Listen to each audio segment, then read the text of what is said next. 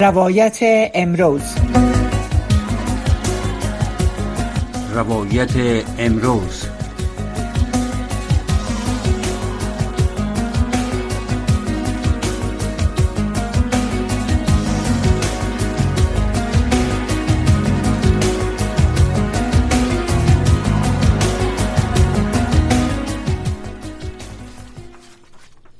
شنونده عزیز سلام عرض می کنم احد عزیز هستم از رادیو صدای امریکا که از طریق رادیو از ما رو میشنوین و همچنان از طریق ماهواره صدای امریکا ما را تماشا می‌کنین می‌بینین.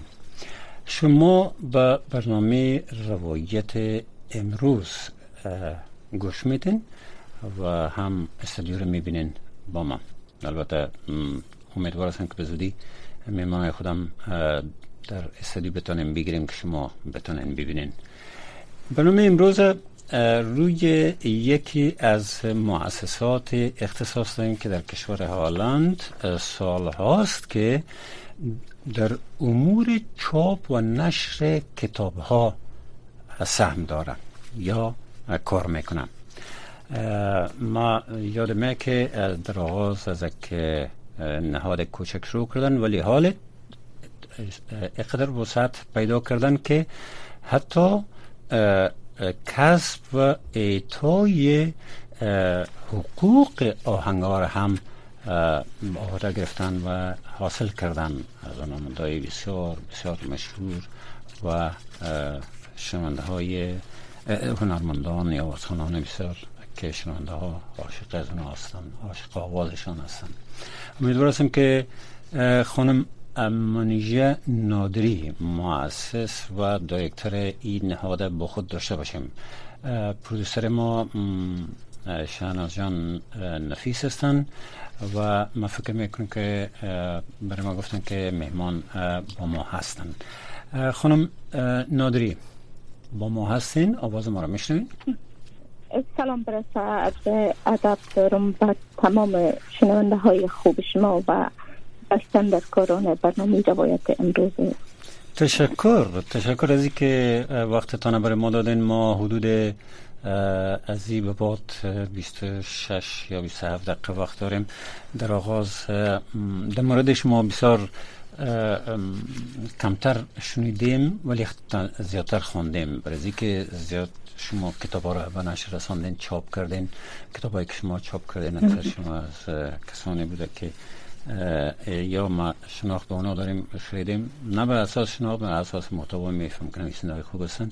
و یا به درست ما قرار گرفته به خاطر محتوای خوبی که داشته. به هر حال یک, یک مرور از گذشته بکنیم و از, از آغاز کارتون در هالند که کمی شمیش به یاد ما هست ولی برای شنونده عزیز میشه که معلومات بتین خلاص؟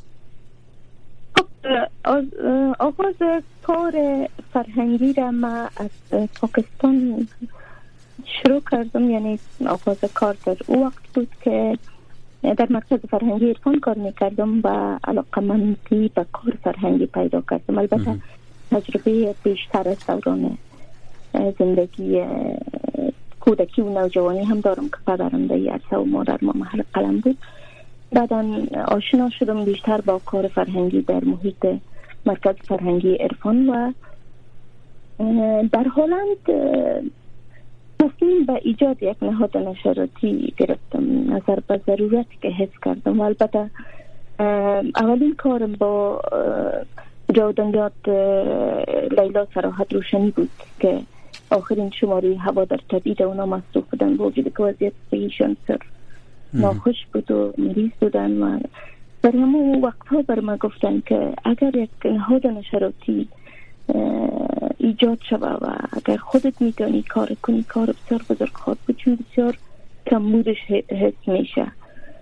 در وقت به تصمیم گرفتم و در ضمن نابودی تندیس های شهمامه و سال سال هم یک انگیزی بود که من می‌خواستم به نام از اونا کار داشته باشم و نهاد به نام شاه ماما نام گذاشتم و گرچه در آغاز برای شمار خوشایند تا نبود این نام مگر من دوست داشتم این نام و کارم با مینام پیوند یافت. ولی میشه که دو بورام چیزی بگن برای که شنونده عزیز ما که شما سوال دارن که شهمامه یعنی چیز یعنی کدام؟ شهمامه به تندیس بله تندیس بامیان می‌گفتند که یا می‌گویند که تا سه طالبا از بین رفت و البته دو تندیس در بامیان بود یکیش سال سال و دیگه شهمامه که تصور می‌رفت.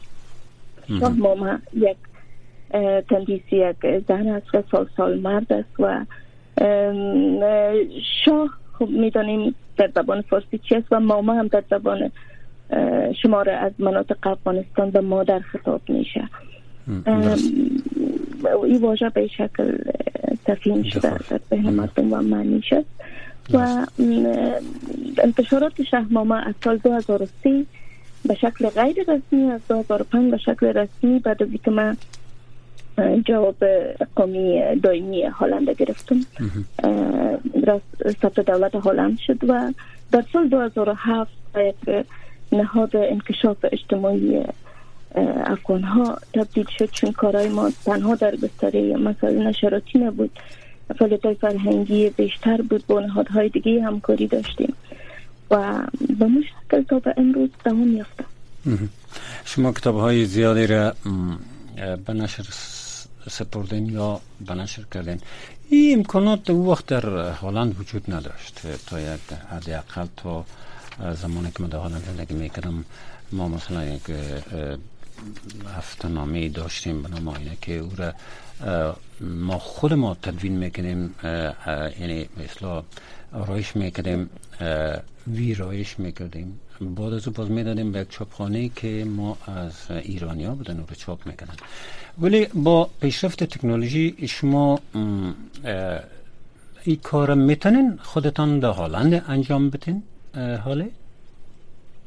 بله من همیشه در هالند کتاب ها چاپ کردیم. البته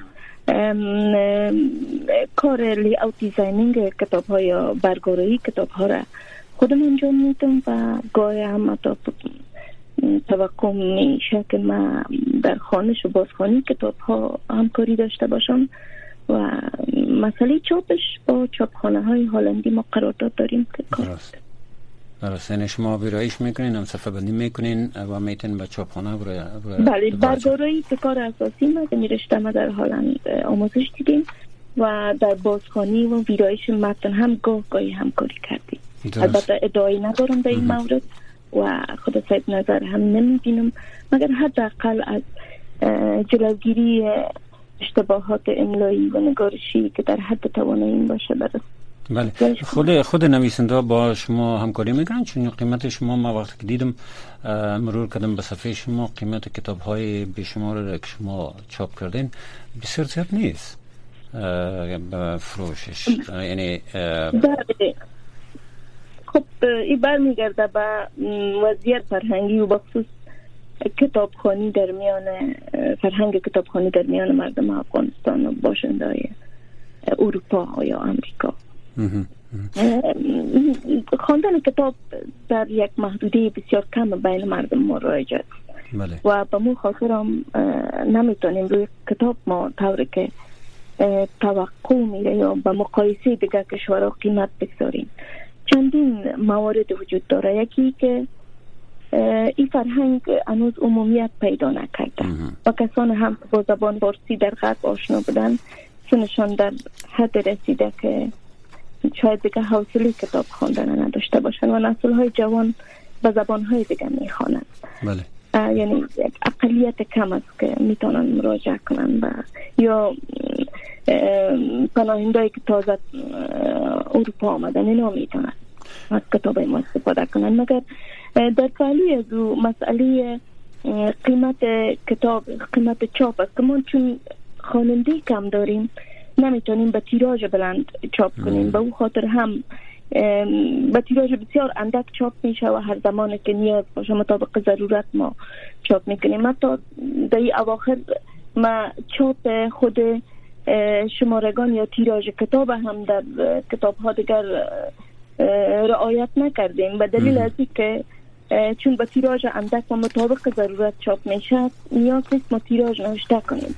و بعض وقتا توقع میره که اگر به تیراژ بلند ما یک عدد را بگذاریم. که این به نظر مزلاز کار نشرات. مناسب نیست و ما لازم نمی‌دونم بیتر از کاملا صرف نظر کنیم از تیراژ بله. بگذاریم در داخل کتاب. مگر در کل قیمت کتاب شما می‌فهمین هر قدر تیراژ بلند بره یا تعداد چاپ بلند بره؟ به ما اندازه قیمت فی جلد می‌تونه پایین بیه مگر ما مثلا یک کتاب با تیراژ 25 جلد چاپ می‌کنیم؟ با دازه باز اگر با قیمت از که هزار جلد چاپ کنیم فی جلد چقدر زیاد است؟ و هر زمانی که 25 جلد فروخته شود بعدش باز دوباره همو 25 و 50 جلد نظر به نیاز مارکت ما چاپ یعنی ای باعث ایجاد یا افزایش مصارف شما نمیشه؟ بسیار زیاد. یعنی به من کار کتاب بار نیست که ما در بود تجارت یا درآمدش فکر کنم. ما بر من مهم است که کتاب چاپ شود. ولو با تیراژ بسیار اندک. چون ما در یک موقعیت قرار داریم که وضعیت فرنگی افغانستان در او حد نیست که تمام نویسنده ها حمایت شوند و کتاب بازار داشته باشه و نویسنده ها مخاطب خاص خود داشته باشند که دارن هم اکثر نویسنده ها ما مخاطبین خود دارن. مگر در نهایتش ما باید با وضعیت فرهنگی خود وضعیت اجتماعی و سیاسی خود فکر کنیم. بعدش باز در بود تجارت کتاب یا درآمد پول از روش فروش کتاب فکر کنیم. ما در این بودش کار نم... فکر نمی کنم نمی اندیشم ما خاطر ما کاملا در یک رشته دیگه فعلا کار هم می کنم چون انتشارات شهمامه امکانات ضرورت اقتصادی مرا تامین نمی کنه باید زندگی کنیم در نهایتش. خب دوستایی هستن که می‌خواین حمایت کنن مثلا با تیراژ بلند بعض کتاب را به یه آخر می‌خواین سفارش بدن و حس می‌کنن که باید این نهاد حمایت شود مگر بازم ما هنوز فعلا زیاد توقع ندارم خب از, از, از برکت تکنولوژی شما هم مفادش دیدین و همه مفادش میبین و ولی شما هم ممکنه صدماتش دیده باشین که زیاد کتاب خام به شکلی که مروج بود و فرهنگ بود و تو نیست در وبسایت ها میپلن کتاب پیدا می‌کنین مثلا سایت های مشهور که دلابات از جمله است که مخوندیم کتاب داره هر چیز داره. اینا ضرورت ندارن دیگه که کتاب از شما مثلا ما از امریکا برای شما فرمایش بدیم که اروپا با قیمت گرچه قیمت ارسال شما بسیار زیاد نیست ما دیدم فرمایش بدیم یا اکثر مردم فرمایش بده و از وجه شما روان بکنین. به می خاطر است که شما تنها به نشر و چاپ کتاب ها بسنده نکردین یا که در چون در داخل اروپا اول زیادتر شما به فروش میرسونین گرچه ما در کانادا هم دیدیم کتاب های شما را ولی در امریکا بسیار کم دیدیم کتاب های چاپ شده شما را از دوستایی که چاپ کردین شما کتاب هاشون اونا برای من روان کردن. از این خاطر است که شما گسترش دادین فعالیت های کارهای انتشارات شاهنامه را به غیر از چاپ و نشر کتاب و کسب و اعطای حقوق آهنگ ها که خود یک بحث علایده است البته. به این مورد من نمی‌تونم این پرداشت این گونه نیست. بگویم که چون کار کتاب نتیجه نداشت. ما روی آوردم با کار در گستره موسیقی بعضی از هنرمندا البته فیرن که دقیق می‌تونم مشخص کنیم کار موسیقی استاد ناشناس. یک بحث کاملا جدا. در بخش چاپ کتاب اول که می‌خوام به این مورد بگویم که فرهنگی که وجود داره یک کتاب وقتی که چاپ میشه اولین پیامی که به ما می‌رسه یا در صفحات که نوشته میشه پرسیده میشه پی دی کتاب می‌تونیم روان می‌تونیم بر ما روان کنیم یا مستقیم اینکه که سوال کنن؟ میگن فقط روان کنیم. یک فرهنگ است که باید روش کار شد باید خواننده های که علاقمند مطالعه هستند یا در کل مردم افغانستان بپذیرند که کتاب وقتی که کار میشه نهاد نشراتی وقت مگذاره و نویسنده رویش کار می‌کنه و یک چند سال را برای نگارش یک کتاب تخصیص میده باید پاداش هم داشته باشن. و بله، اگر بله. تصور می‌کنن که اگر ما کتاب برشان سیدی روان نمی کنیم در حقیقت ما شامل کار فرهنگی نیستیم ما فقط بر تجارت فکر می‌کنیم. در حال کنون خودشان فکر کنن که یک نویسنده چند سال در مقداره یک کتاب آماده می‌سازه و یک ناشر می‌خواهد چاپ کنه اقلا حداقل یک ماه خود ما می‌گذاریم برای یک کتاب که تکمیل میشه. بله. چرا ما باید رایگان به اختیارشان بگذاریم؟ و بله. دیگه چی می‌تونه نور رایگان به دست کتاب به دست بیارن؟ یا بپرسن. این یک بحث است. بله. در مسئله موسیقی وقتی که فکر می‌کنیم؟ خب یک تصادف نیکی که بود که ما چند کتاب را در رابطه با دکتر فطرت ناشناس چاپ کردیم.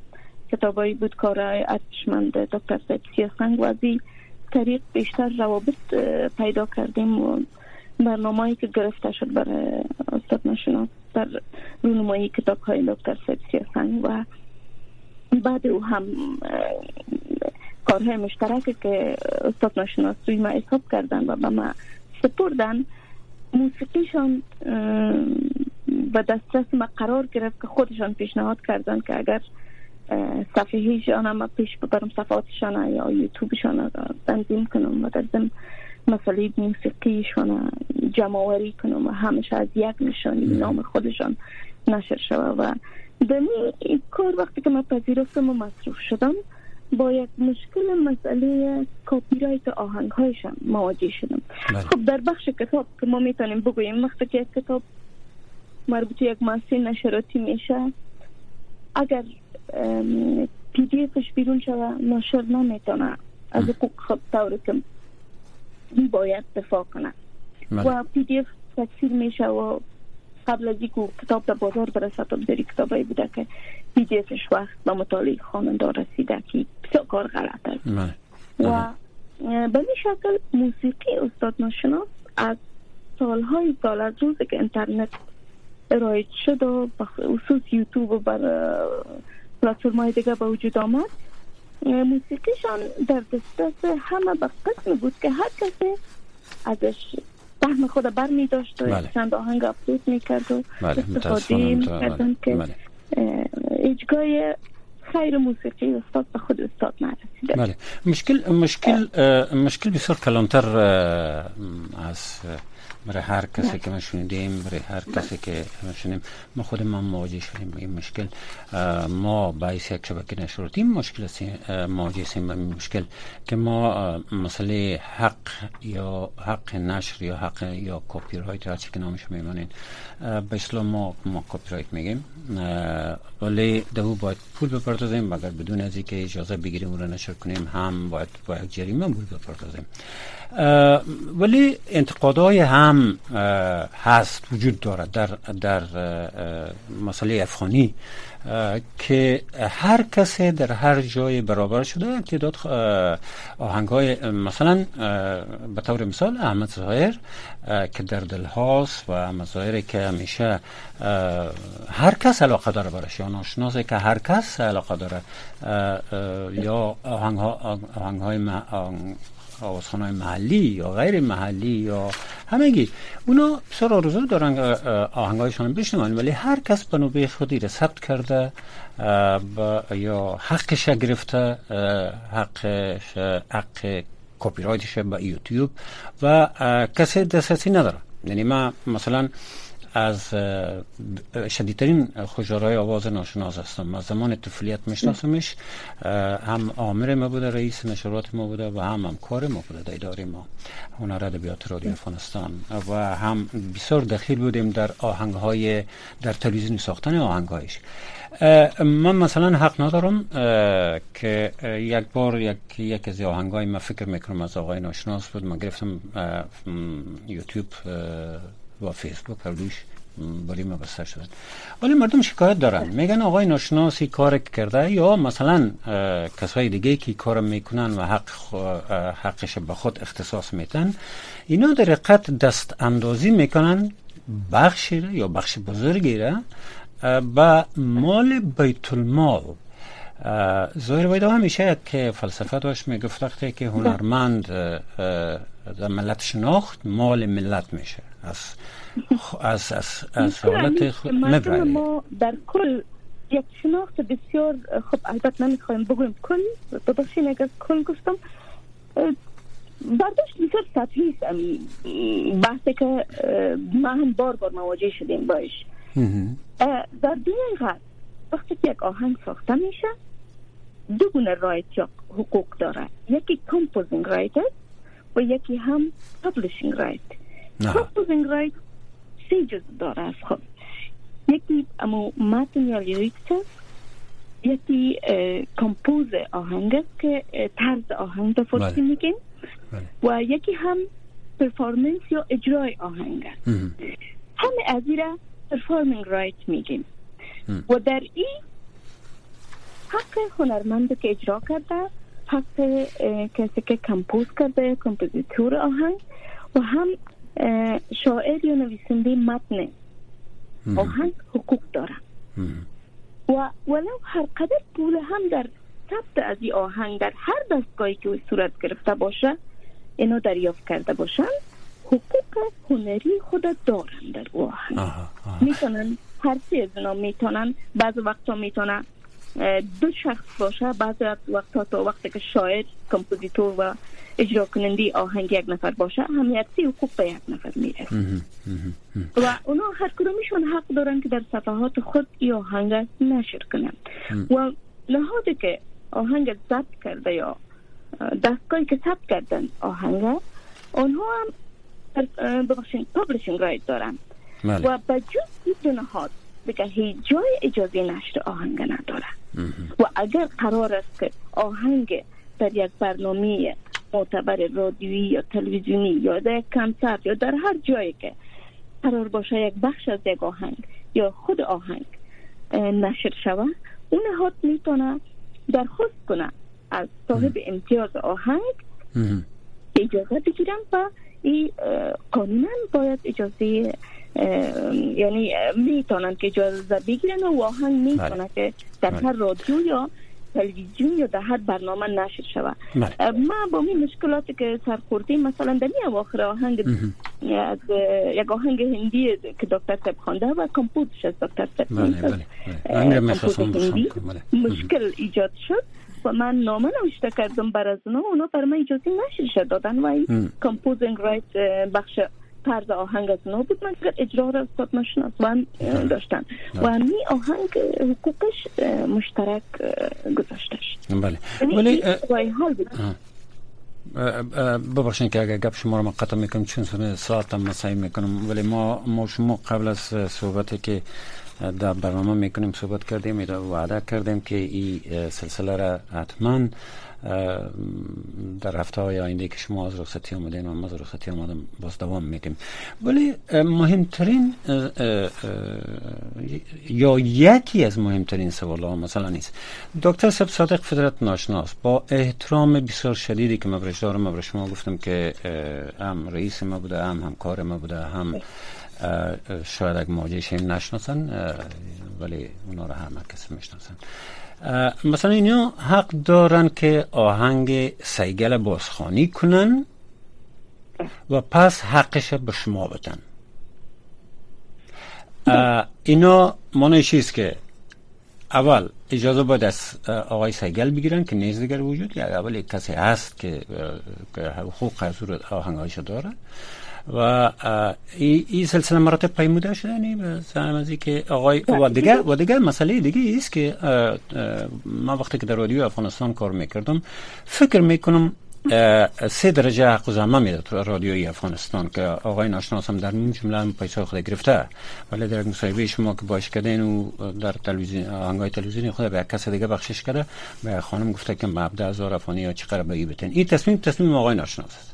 این تصمیم تصمیم اداره نیست اداره رادیو رادیو تلویزیون ملی برای پیسه داده ای که بازو بروی سرک به شون خود فروش میته کچولو فروش و گپ آقای ناشناس است. ولی آقای ناشناس در هر آهنگ خود 400 افغانی گرفته ما بر شما میره توضیح می‌کنم. بیس خب بفرم تنها به کار کرد آهنگ بر از اون کرد حق زحمی ثبت خود اگر گرفتن یا نگرفتن یک بحث است. بله. مگر بحث حقوق هنری که یک آهنگ ساختن و احتمال داره متن و شعران از خودشان باشه اجرا کردن با خاندان تقریبا حدود 300 آهنگ خود خودشان ساختن. او کاملا یک بحث جدا. او اصلا به او پول محاسبه نمیشه. حقوق هنری یک هنرمند تا زمانی که یعنی موسیقیش در کاپی رایت وجود داره از خودش است یا از نهادی است که خودش به او سپرده. و او مسئله حق زحمی ثبت کار امروزش بوده. اینا آهنگ میره به یک جای دیگه هم می‌خونه. فقط اکوزمی ثبت خود می‌گیره. اما آهنگ می‌تونه پنج بار را پنج نهاد یا پنج مرجع یا پنج استودیو بله. بخونه. بله. پنج بار اکادمی ثبت خود اونا گرفتن. نه که حقوق هنری خود اهدا کردن به اوجا حقوق هنری خود استاد ناشناس رسما به انتشارات شهرنامه اهدا کرده. بله. و این کار که من البته برخورد سطحی از این ندارم. می‌خواهیم آینده از که در برنامه بعدی تا اگر وقت باشه باز ما صحبت خواهد کردیم. و ما بسیار دوست حتما دارم حتما حتما. این موضوع گپ بزنم که مال شخصی من نیست مال مردم افغانستان است و هر قدمی که به رزی گذاشته میشه آیندهش احتمال داره بسیار درخشان باشه و ما آرزو دارم هر هنرمند ما بخصوص آهنگای هنرمندای مطرح افغانستان مثل مرحوم احمد زاید یا ساربان یا مثلا استاد محوش یا مرحوم زایر ویدا یا ده ها هنرمند مطرح دیگه که ما داریم. کارشان همه قسم جمعوری شوه اولی که حقوق هنریشان از کشورهایی که سوء استفاده می‌کنند بخصوص پاکستان. بله جمع شود که از ناشناس تثبیت شد و کار کنند روشی بسیار یک برنامه کلان است که امیدوار هستم در آینده کار شود ولی در آینده و- و در آینده ما هم بحث ادامه میتیم رزی که ولی وقتی من یک آهنگ می‌بینم که لوگوی شاه محمد در روی ولی ما جرأت از زیر ندارم کوره بگیرم و فیسبوک خود پست کنم و یا یکی برسال بکنم یک نامه نوشته کنین هر اختار که یوتیوب دیدین؟ اونا او مربوط ما میشه اونا به ما راجع می‌کنن ما شما اجازه میدیم که در برنامه تان نشر کنین و هیچ مشکل نیست. نه بله. متاسفانه وقتی که پرودوسر برنامه ما موسیقی را آغاز می‌کنن به مفهوم عزیز که اشاره به ماست که ما برنامه را باید ختم بکنیم. برای که برنامه بعدی ما شروع میشه و همکار ما رونا جان غرزنگ دمیان استودیو تشریف آوردن که ما برنامه صدای شما رو باید تقدیم بکنیم خیلی آموختم امیدوار هستم که برای شنوندهای هم ما هم آموزنده بوده باشه ولی این بحث حتما سوالای سوالای دیگه هم است سوالای بسیار زیاد دیگه هم است در مورد اشعار در مورد مثلا دیگر دیگر نوازنده و خواننده بعض از خواننده دیگر هم دیدیم که لوگوی شما هست و لوگوی دیگر هست و قید کردن از این در مجموع یعنی شما منظورم هدف شما نیستین که اه، ما باید واضح بگویم هدف در مجموع یک بحث است که را ما می‌خوایم برا بندازیم و در برنامه آینده شاید یک کسی را با شما یک جای میمان بکنیم که حقوق کپی رایت اونا تحصیل کردن. ما از شما بسیار زیاد تشکر می‌کنم. ممنون. امیدوارم که ما بتانیم از اه، اه، کتب که شما نشر می‌کنین چاپ می‌کنین هم استفاده بکنیم به امریکا هم بفرستین. البته ما باید بخریم. یک چیز است که شما رو تقویت بکنیم. خیلی ممنون. تشکر از حضورتان در برنامه.